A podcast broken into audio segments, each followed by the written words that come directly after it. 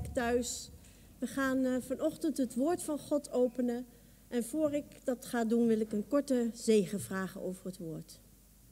Vader in de hemel, dank u wel dat we vanmorgen bij elkaar mogen zijn. Misschien niet fysiek, Heer, maar wel samen, Heer, in uw geest verbonden. Heer, en ik wil u vragen of u ons wil leiden, Heer, in dat wat we horen, dat wat we zeggen. En dat alles mag zijn tot eer en verheerlijking van uw naam. Dat bid ik in Jezus' naam. Amen. Vanmorgen is de titel van de boodschap God met ons, Emmanuel. En misschien denkt u van, nou dat is een prediking die meer bij kerst past, want dan hoor ik dat lied vaker en dan wordt de tekst vaker aangehaald. Maar God is met ons. En dat is wat we nodig hebben, elk moment van de dag en zeker in deze tijd. Natuurlijk weten we dat God naar ons heeft omgezien en dat Hij zijn Zoon Jezus Christus heeft gegeven om ons te redden van een dood, een eeuwige dood. Maar het is mooi om te zien dat het van alle tijden is dat God naar ons heeft omgekeken. Niet alleen in de toekomst, niet alleen nu, maar ook in het verleden heeft Hij dat gedaan. En het is ook mooi om dat te zien hoe dat is in het Oude Testament. In het Oude Testament vind je veel schaduwbeelden van Jezus, veel types van Jezus. Denk bijvoorbeeld eens aan Jozef, die verworpen werd door zijn eigen broeders en die in de put werd gegooid, verraden werd. Type beeld van Jezus. Maar vanmorgen wil ik het met u hebben over de tabernakel, de tent van God. De tabernakel is op zichzelf al het type beeld van Jezus. Maar elk attribuut, elk voorwerp afzonderlijk is ook een heenwijzing naar dat wat Jezus voor ons gedaan heeft. In Colossense 2, vers 17 staat het zo mooi. Dit alles is slechts een schaduw van wat er gaat komen. De werkelijkheid is Christus.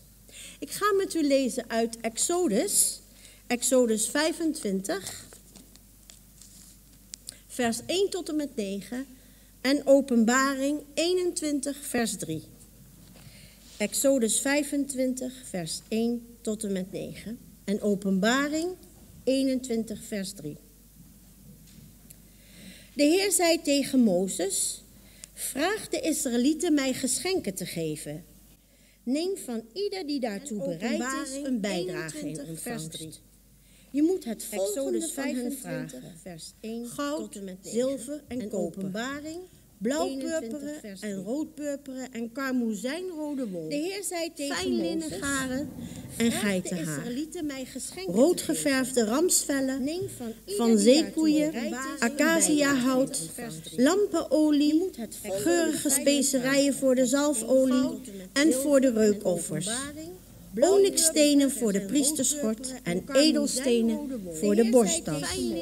De Israëlieten moeten een heiligdom voor mij maken, zodat ik te midden van hen kan wonen. Ik zal je een ontwerp laten zien van de tabernakel en van alle voorwerpen die bij deze tent horen. Houd je daar stenen voor de priesterschort en edelstenen voor de borsttas. De Israëlieten moeten een heiligdom voor mij maken, zodat ik te midden Ik hoorde een luide stem vanaf de troon. Ik zal je die uitriep laten zien van de Gods woonplaats en is onder de mensen. Hij zal bij hen wonen. Ze zullen zijn stenen zijn en God zelf zal als borst bij hen zijn. De Israëlieten moeten een heiligdom voor God. De vraag is, waarom moest er een tabernakel komen? Dat antwoord hebben we net gelezen in Gods woord. God wilde bij de mensen wonen, zodat ze konden zeggen, God met ons. Dat was vroeger zo, dat is nu zo en zoals we gelezen hebben zal het ook in de toekomst zo zijn. Mozes ging de berg Sinaï op en de majesteit van God rustte door middel van een wolk op de berg. Op de zevende dag riep God Mozes vanuit de wolk. Mozes ging de wolk binnen, terwijl het volk de majesteit van God zag als een laaiend vuur op de top van de berg. Dat moet imposant geweest zijn. Mozes bleef veertig dagen en nachten op de berg. en de Heer sprak tot hem. Mozes kreeg de opdracht de tabernakel te bouwen. God zelf maakte het ontwerp van de tent en alle attributen, dat zelf had God bedacht. God gaf hele specifieke, gedetailleerde details door voor wat betreft materialen, kleuren, maten enzovoort. Echt heel bijzonder, want dat alles had een betekenis. En ik plaatje één graag. Hoe zag de tabernakel eruit? De omheining was 50 meter lang, 25 meter breed en 2,5 meter hoog. En het was gemaakt van wit linnen. Dat witte symboliseerde de reinheid. Aan de oostkant van de tabernakel was er een poort, plaatje 2. De enigste poort die toegang gaf tot de tabernakel. Het was een wijde poort van 10 meter. In verhouding was het dus best een brede poort. Symbool voor de Heer Jezus die zegt, ik ben de deur. Alleen Jezus geeft toegang tot de woonplaats van God. Als je de poort net was binnengekomen, keek je zo tegen het koperen wasvat aan. En het, koper, sorry, het koperen brandofferaltaar aan. Daar werden dieren geofferd door de priesters. Het diende ter vergeving van de zonde. En als je als Israëliet vergeving wilde vragen voor je zonde, dan nam je een dier mee en ging daarmee naar de priester, naar het brandofferaltaar. En dan legde je jouw eigen hand op de kop van het dier, zodat het symbolisch was dat jouw zonde overgenomen werd door dat dier. En dat dier werd dan geofferd. Er zijn honderdduizenden dieren geofferd, totdat Jezus Christus zelf geofferd is. Ons ultieme offer aan het kruis van Golgotha. Zonder het offer konden de mensen God niet naderen in de tabernakel, zelfs de hoge priester niet. En zonder het offer aan het kruis kunnen ook wij God niet naderen. Daarna kwam je bij het koperen wasvat, vlak voor de ingang van de tent, van de echte tabernakel. De priesters moesten zich daar reinigen. En het koperen wasvat was zo gemaakt van spiegels. En in die tijd hadden ze koperen spiegels, die ze net zo lang oppoetsten totdat je jezelf erin kon zien. En het koperen wasvat was daarvan gemaakt. Het spiegelde. Je kon jezelf daar dus in zien. Je werd je dus bewust van je eigen zonde, van je eigen viezigheid, als ik het zo mag zeggen. En voor de priesters de tabernakel ingingen, moesten ze hun handen en voeten wassen. Het wasvat zelf symboliseert ook de Heer Jezus Christus, die ons reinigt en heiligt en waarin we onszelf kunnen spiegelen. Hij heiligt ons voor zijn dienst en reinigt ons ook van onze dagelijkse zonden. Natuurlijk zijn wij vergeven toen we tot de Heer Jezus kwamen, maar de Bijbel zegt we struiken allemaal. We doen allemaal zonde en daarom moeten we elke dag ons reinigen en heiligen voor de Heer Jezus. Als de priester, wij zijn volgens 1 Petrus ook priesters, als de priester klaar was, ging hij bij de, naar de eigenlijke tabernakel toe. Daar ging hij naar binnen. Deze tabernakel was 5 meter breed, 15 meter lang en 5 meter hoog. Vanaf het wasvat ging de priester het eerste deel van de tabernakel binnen. Dat was het heilige. Daar stonden drie voorwerpen. Aan de rechterkant stond de tafel met de toonbroden. Twaalf toonbroden. Elk brood symboliseerde een stam van Israël. De twaalf stammen van Israël. Het symboliseert ook dat de Heer Jezus het brood des levens is. Aan de linkerkant stond de zevenarmige gouden kandelaar, die Jezus als het licht der wereld symboliseert. Hij woog 30 kilo aan puur goud. De armen hadden allemaal kleine lampjes erop. En in die lampjes zat olijfolie, teken van de Heilige Geest. En zo kon deze lamp, kon deze kandelaar altijd branden. want binnen in het heilige was er geen daglicht. Er stond er nog een derde voorwerp. En dat was het reukofferaltaar. Het reukofferaltaar stond daar vlak voor het voorhangsel naar het heilige der heiligen. Het gordijn hing daar dus voor. Vurige kolen van het brandofferaltaar werden naar het reukofferaltaar gebracht. En dan moest de priester daar dagelijks een heerlijk geurende, ja, een mengsel van specerijen en olie op dat reukofferaltaar doen, zodat er een heerlijke geur omhoog steeg. En dat was niet zomaar een mengsel van, nou, ik neem een beetje parfum en dan ruikt het wel lekker. neem een of ander dure, weet ik veel, parfum. Maar het waren specerijen die God zelf had gezegd dat ze die moesten kiezen. Hij had gelet op alle details. En dan steeg er een heerlijke reuk op voor God. En dat symboliseert onze gebeden. De gebeden van de heiligen. De gebeden van de gelovigen volgens Hebreeën. Het is onze dank, onze lof en onze aanbidding. Plaatje 3. Eens per jaar mocht de hoge priester het gordijn dat het heilige en het heilige de heilige van elkaar scheiden, mocht de priester daardoor gaan en de kant schuiven.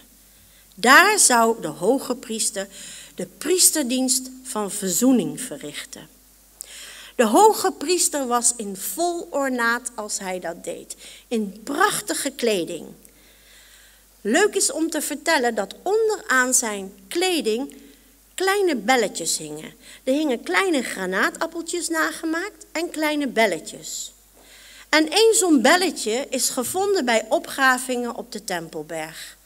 En als u wil, want ik vind het zelf heel interessant, dan kunt u kijken naar dat belletje op YouTube. Er is een leuk filmpje van. Het is in het Hebreeuws, maar u moet het even uitkijken. Want dan hoort u het geluid van het belletje. Want dat hebben ze wetenschappers nagemaakt. Het is een klein gouden belletje. Dus aan de kleding van die hoge priester, die het heilige de heilige binnenging, hingen allemaal van die kleine belletjes. Een belletje, een klein, ehm, hoe noem je dat nou? Zo'n granaatje, zo'n pomegranate. En dan weer een belletje. En dan weer een ander dingetje. En dan weer een belletje. En hij moest altijd te horen zijn. En waarom dan? Nou, het was zo dat alleen de hoge priester het heilige de heilige binnen kon gaan. En niemand anders, want anders zou je sterven. En zolang ze de belletjes van zijn kleed konden horen, wisten ze alles is oké. Hij heeft het overleefd, hij leeft nog. Hij doet boete voor ons. En wat hadden ze nu bedacht? Dat ze soms een touw om zijn middel deden. Waarom?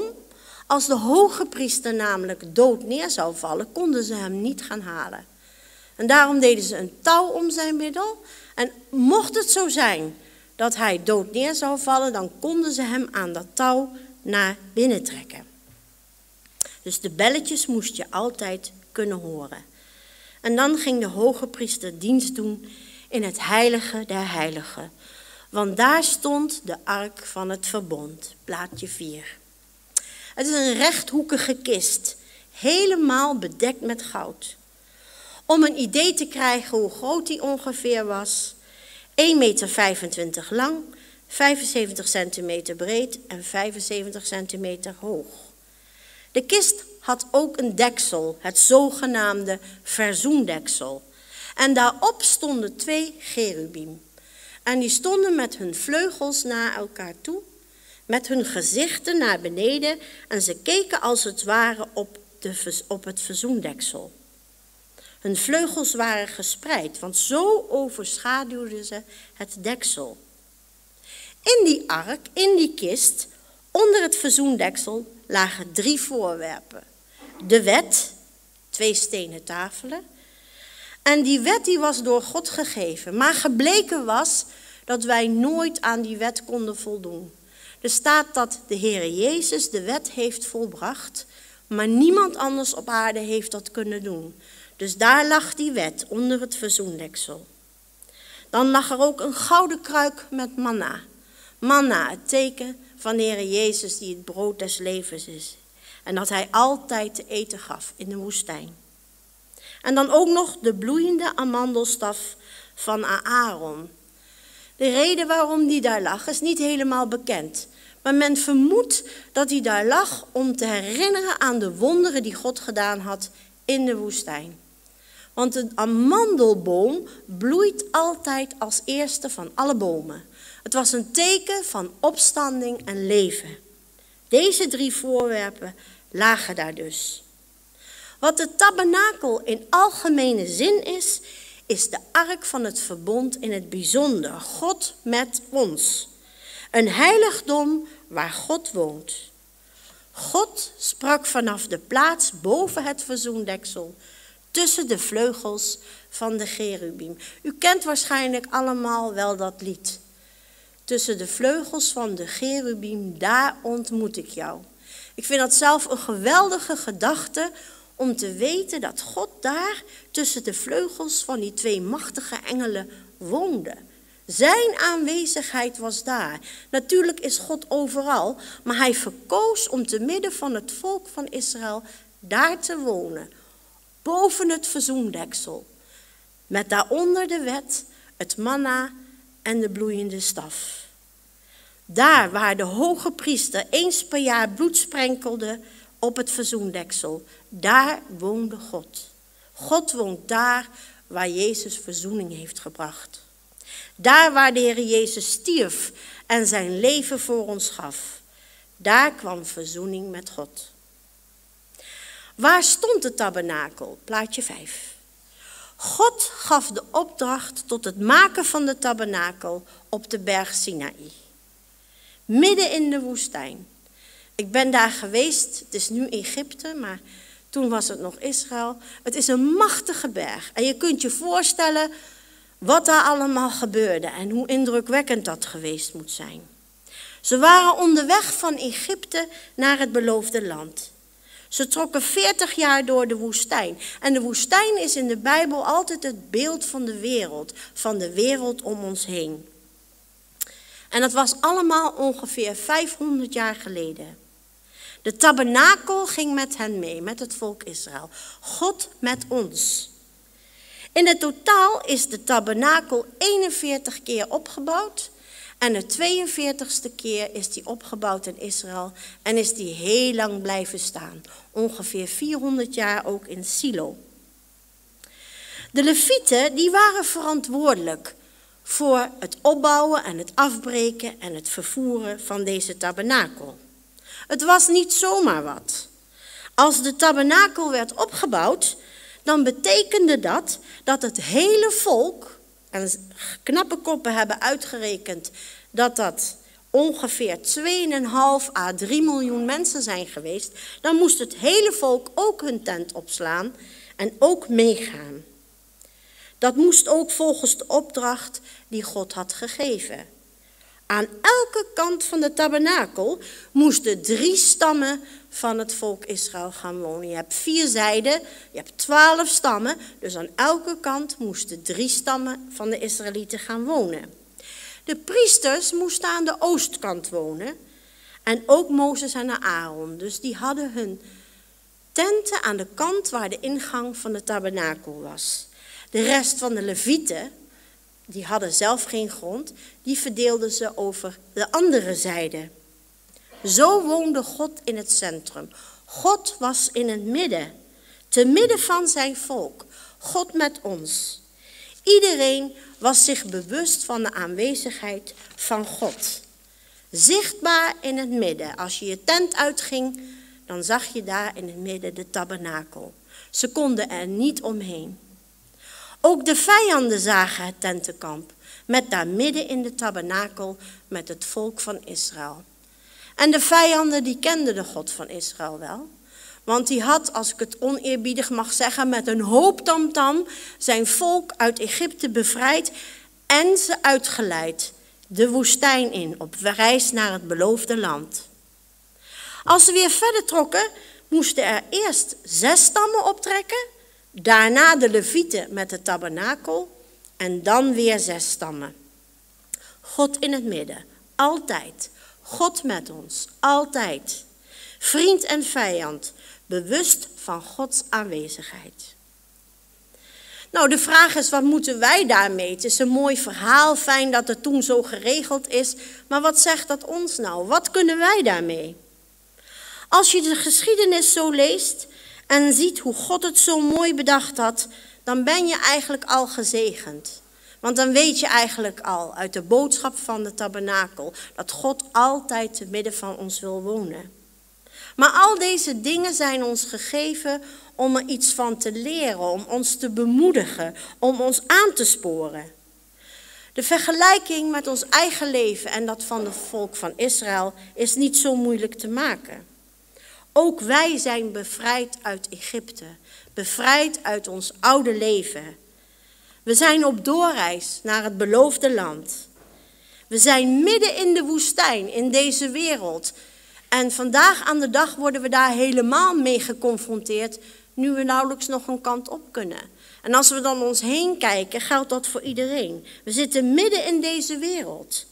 En dan komt er de opdracht van God om een tabernakel te bouwen, waar Hij kan wonen en waar Hij gediend wil worden. Jouw leven in deze wereld, zodat ook de andere woestijnbewoners, de andere mensen op deze aarde, de andere wereldburgers, zien dat Jezus in jou woont.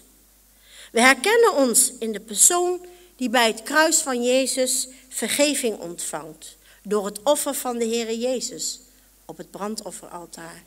We herkennen ons in de priester die zichzelf elke dag moet reinigen en heiligen van zijn dagelijkse zonde. Het wasvat. Een proces van reiniging en heiliging. Volgens 1 Petrus 2 vers 9 zijn wij een uitverkoren geslacht, een koninkrijk van priesters, om de grote daden te verkondigen van Hem die ons uit de duisternis heeft geroepen, naar zijn wonderbaarlijk licht. God met ons, maar geen heilig clubje dus, die het samen gezellig hebben. En oh, wat hebben we een fijne gemeente, en oh, wat hebben we een fijn worshipteam, en oh, dit, en samen, samen, samen. Nee, wij zijn priesters die in Gods dienst staan en moeten getuigen aan de wereldburgers om ons heen. De grote daden van God. God moet worden gezien in ons. De priester betreedt vervolgens het heilige, waar de kandelaar staat, die licht verspreidt. Waar het brood ligt, het brood des levens, wat wij mogen eten, de Heere Jezus en ook het woord van God.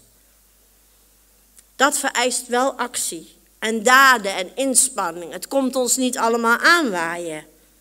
En dan, voordat we langs het voorhangsel, het heilige der heiligen binnengaan, komen we bij het reukofferaltaar. Door genade is het voorhangsel gescheurd, destijds toen Jezus stierf aan het kruis op Golgotha. Er was geen scheiding meer tussen God en ons. Het voorhangsel scheurde. Maar voor het voorhangsel staat nog steeds het reukofferaltaar. De plaats van gebed, aanbidding, dankzegging en lofprijs. Daarna mogen we toetreden tot het heilige der heiligen. In de aanwezigheid van God. Bij de ark die Jezus is. Door zijn verzoenend bloed zijn wij gered en mogen we bij de Vader komen. Galaten 2, vers 16 zegt zo mooi. We konden niet gered worden door de wet na te leven, maar door het geloof in Jezus Christus. En daarom ligt die wet ook zo keurig bewaard onder het verzoendeksel. Wij mogen dan zijn bij de ark, bij de Heer Jezus. Want daar ligt ook het bloed van het offer wat Hij gebracht heeft. En zo mogen wij God de Vader ontmoeten. Het gaat niet vanzelf. Bekering, je leven verliezen, jezelf reinigen en heiligen, gebed, lofprijs. En dan schijnen als Jezus door de aanwezigheid van de Heilige Geest in je leven. Maar God met ons. Wij zijn tempels, de opvolger van het tabernakel. Wij zijn tempels van de Heilige Geest. 2 Korinthe 6, vers 16b zegt: Wij zelf zijn de tempel van de levende God. Zoals God heeft gezegd: Ik zal bij hem wonen en in hun midden verkeren. Ik zal met hun, hun God zijn en zij mijn volk. God met ons. God wil dat we Hem laten zien aan de wereld om ons heen. Dat we Zijn grote daden verkondigen als Zijn priesters. Wat een kans, broeders en zusters, juist in deze tijd, om te laten zien dat God te midden van ons woont. Dat we daardoor Zijn vrede en rust mogen ervaren. Dat we niet bang hoeven te zijn in een tijd waarin mensen terecht hoor, bang en verward zijn. Maar dat er een God is die met ons is. Dat de Heer Jezus in ons leeft. God met ons. Wees een persoon waarin men de Heer Jezus kan zien, zodat mensen hoop krijgen, onze vrede en rust zien en dat ook willen ervaren. Dat ze zien God met ons, ook nu. Dat bid ik u toe. Wees een getuige en laat zien God met ons. Amen.